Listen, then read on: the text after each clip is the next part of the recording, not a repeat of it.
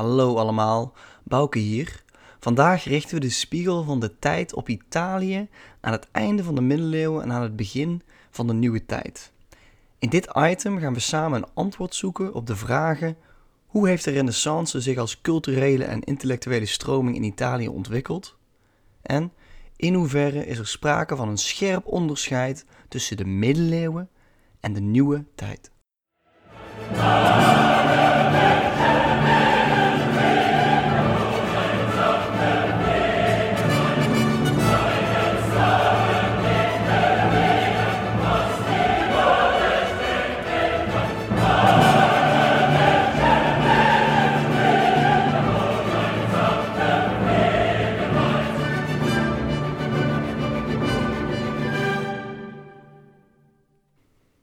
Dankzij een opmerkelijke opleving van de economie ontstonden in de late middeleeuwen, vanaf de 11e eeuw ongeveer, weer enkele verstedelijkte gebieden in Europa.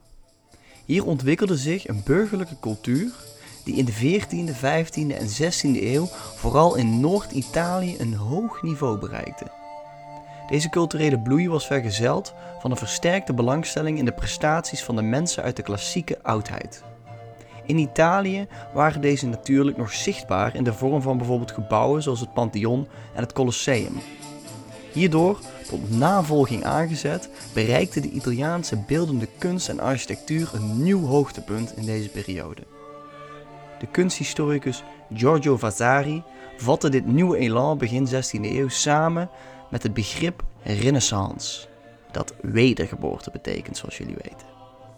Voor hem en zijn tijdgenoten was de klassieke kunst weer tot leven gekomen.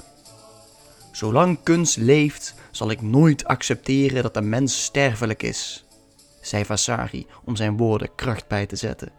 Maar ook de wetenschap en de economie floreerden in het Italië van deze jaren. Denkers die op het gebied van de letteren teruggrepen op het klassieke erfgoed van de Grieken en de Romeinen, bliezen dus de deur open hier naar de nieuwe tijd. Het was de Zwitserse historicus en renaissance-kenner Jacob Burckhardt die dat scherpe onderscheid tussen de renaissance en de middeleeuwen in de periodisering aanbracht. Er vond in Italië gedurende de renaissance een secularisering of een ontchristeling van het denken plaats.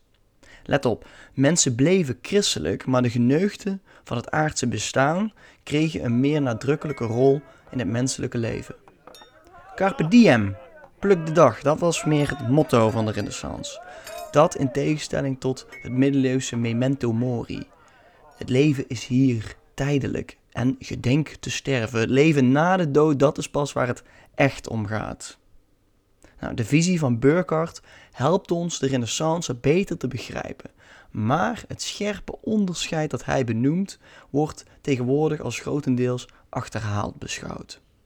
Er is namelijk vooral sprake van continuïteit tussen de middeleeuwen en de nieuwe tijd. Dingen gaan vooral door.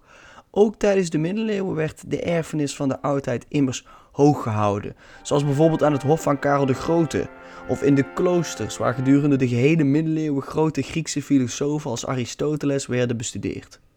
Ook het Latijn bleef in de middeleeuwse vorm nog steeds de internationale taal van de middeleeuwen. De humanisten zagen echter vooral een kloof tussen hun wereld van de Renaissance en de klassieke oudheid. Met een donkere tijd, donkere middeleeuwen daartussen. Aan hun hebben we deze term te danken. Wat hebben we hier? Ik heb hier een oud mysteriedocument in mijn handen. Een citaat van een van de belangrijkste vroegmoderne schrijvers uit Italië. Petrarca is zijn naam, een oer-renaissance man. En Petrarca schreef: Zo groot is het verval waarin Rome sinds lang verkeert, dat zelfs de burgers van de stad de glorie van het oude Rome niet meer kennen. Pas als zij beseffen hoe groot dat verleden was, is er weer hoop dat Rome zal herrijzen. Hier zien we de grote nostalgie die bij veel Renaissance-denkers leefde. Om dit citaat even in het tijdsperspectief te plaatsen, Petrarca was een tijdgenoot van Philips de Stoute en de Zwarte Dood. Hij leefde dus gedurende de periode dat veel van Nederland geregeerd werd door de Bourgondische hertogen en dat de pest ons teisterde en dat we ons vermaakten met riddertoernooien. Hartstikke in de middeleeuwen dus eigenlijk volgens onze beeldvorming. Petrarca was echter een renaissance-denker. Zo zie je maar weer dat tijd en periodiseringen nooit netjes afgebakende gehelen zijn. Het bestuderen van de Renaissance geeft ons niet alleen inzicht in de nieuwe tijd, de nieuwe kunst, maar ook in het nieuwe mens- en wereldbeeld van deze nieuwe tijd. Hier begint de vroegmoderne periode. Italië was dus in vergelijking met de rest van Europa gedurende deze periode een land van steden. Maar terwijl de Franse en de Engelse koning hun koninkrijken probeerden te centraliseren vanuit Londen en Parijs, en terwijl de Bourgondische hertogen vanuit Brussel een nieuw gecentraliseerd middenrijk probeerden te creëren in Europa, bestond Italië als staat in feite nog niet. De Italiaanse laars was een collage van stadstaten die vooral hun geld verdienden met de handel en de middeleeuwse industrie. Genua en Venetië beheersten enorme handelsnetwerken op zee. Zij importeerden Aziatische producten vanuit bijvoorbeeld het Ottomaanse Rijk van de Turken, dat ze doorverkochten in heel Europa. Het contact met de islamitische wereld stimuleerde de vooruitgang verder omdat het Midden-Oosten gedurende deze periode op wetenschappelijk, economisch en filosofisch vlak eeuwen voorlag op Europa. Klassieke teksten die verloren waren in Europa kwamen via Arabische vertalingen bijvoorbeeld weer terug in Europa en wakkerden de Renaissance verder aan.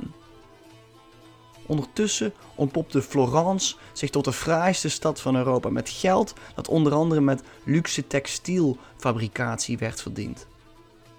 Rome en Milaan verrezen uit haar as en herontdekten haar klassieke erfenis.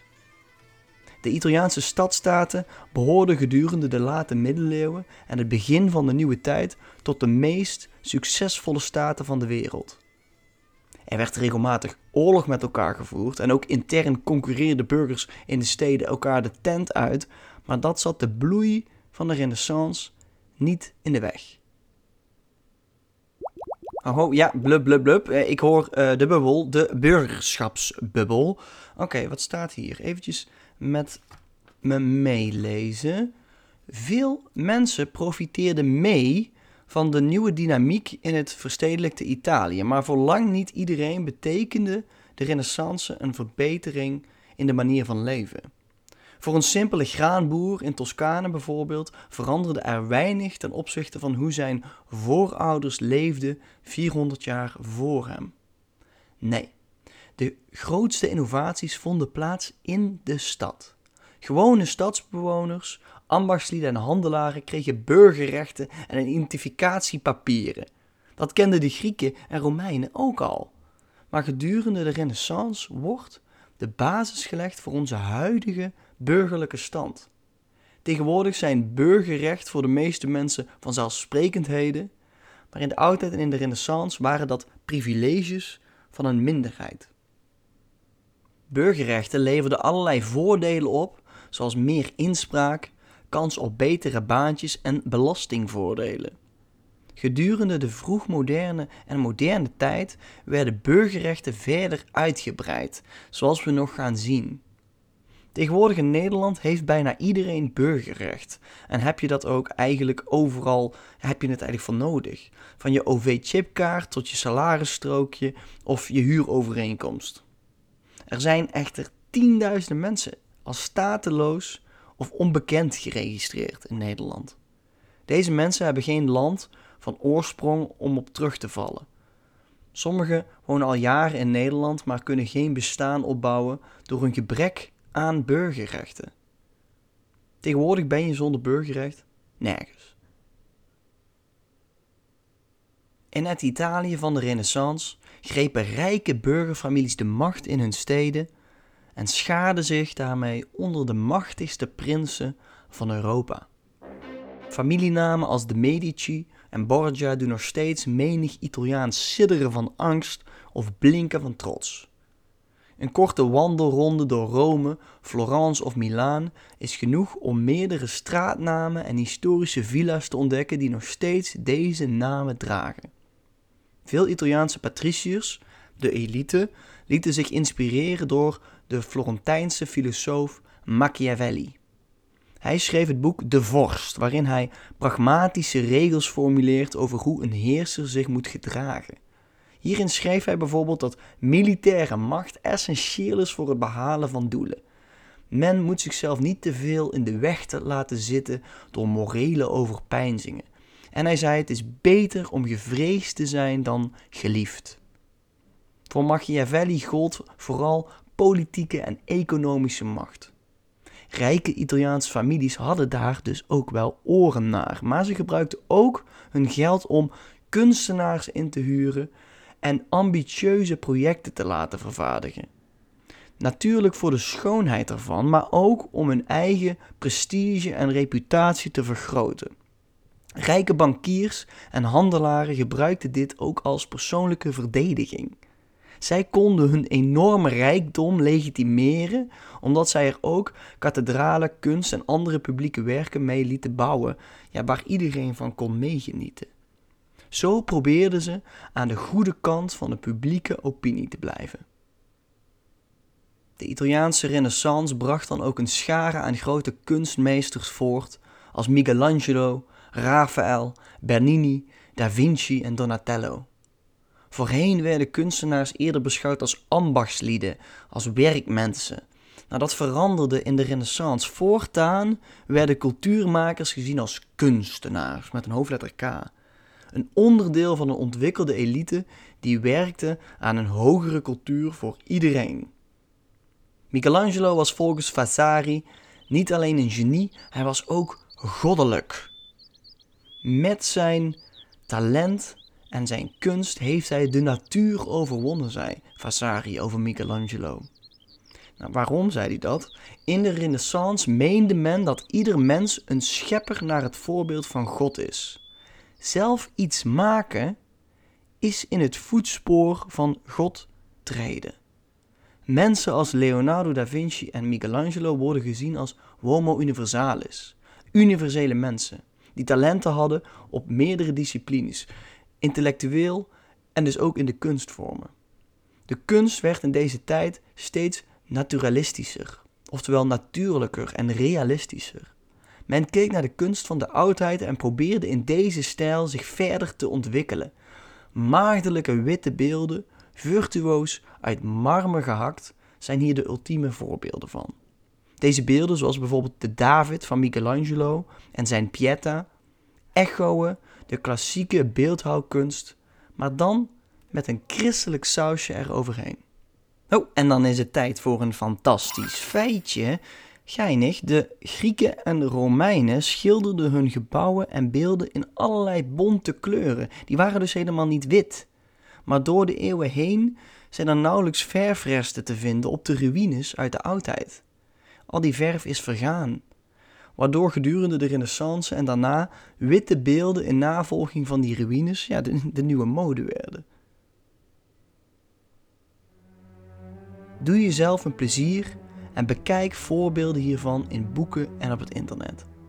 De oudheid werd een dusdanige obsessie van rijke geleerde Italianen zoals Dante en Petrarca dat ze zelfs in Romeinse toga's en lauwerkransen gingen lopen. Sommigen lieten zelfs huizen bouwen in de stijl van Romeinse villa's en gingen Latijn met elkaar praten. Een soort van larpen avant la lettre. De Renaissance was vooral een vernieuwde golf van bewustwording betreffende het klassieke verleden met een enorme culturele boom tot gevolg. Dit alles werd verder mogelijk gemaakt door de economische dynamiek van de late middeleeuwen en het begin van de nieuwe tijd. Een scherpe breuk is er echter niet eerder een ontwikkeling die zich vanuit Italië geleidelijk door de rest van Europa en dus ook Nederland verspreidde.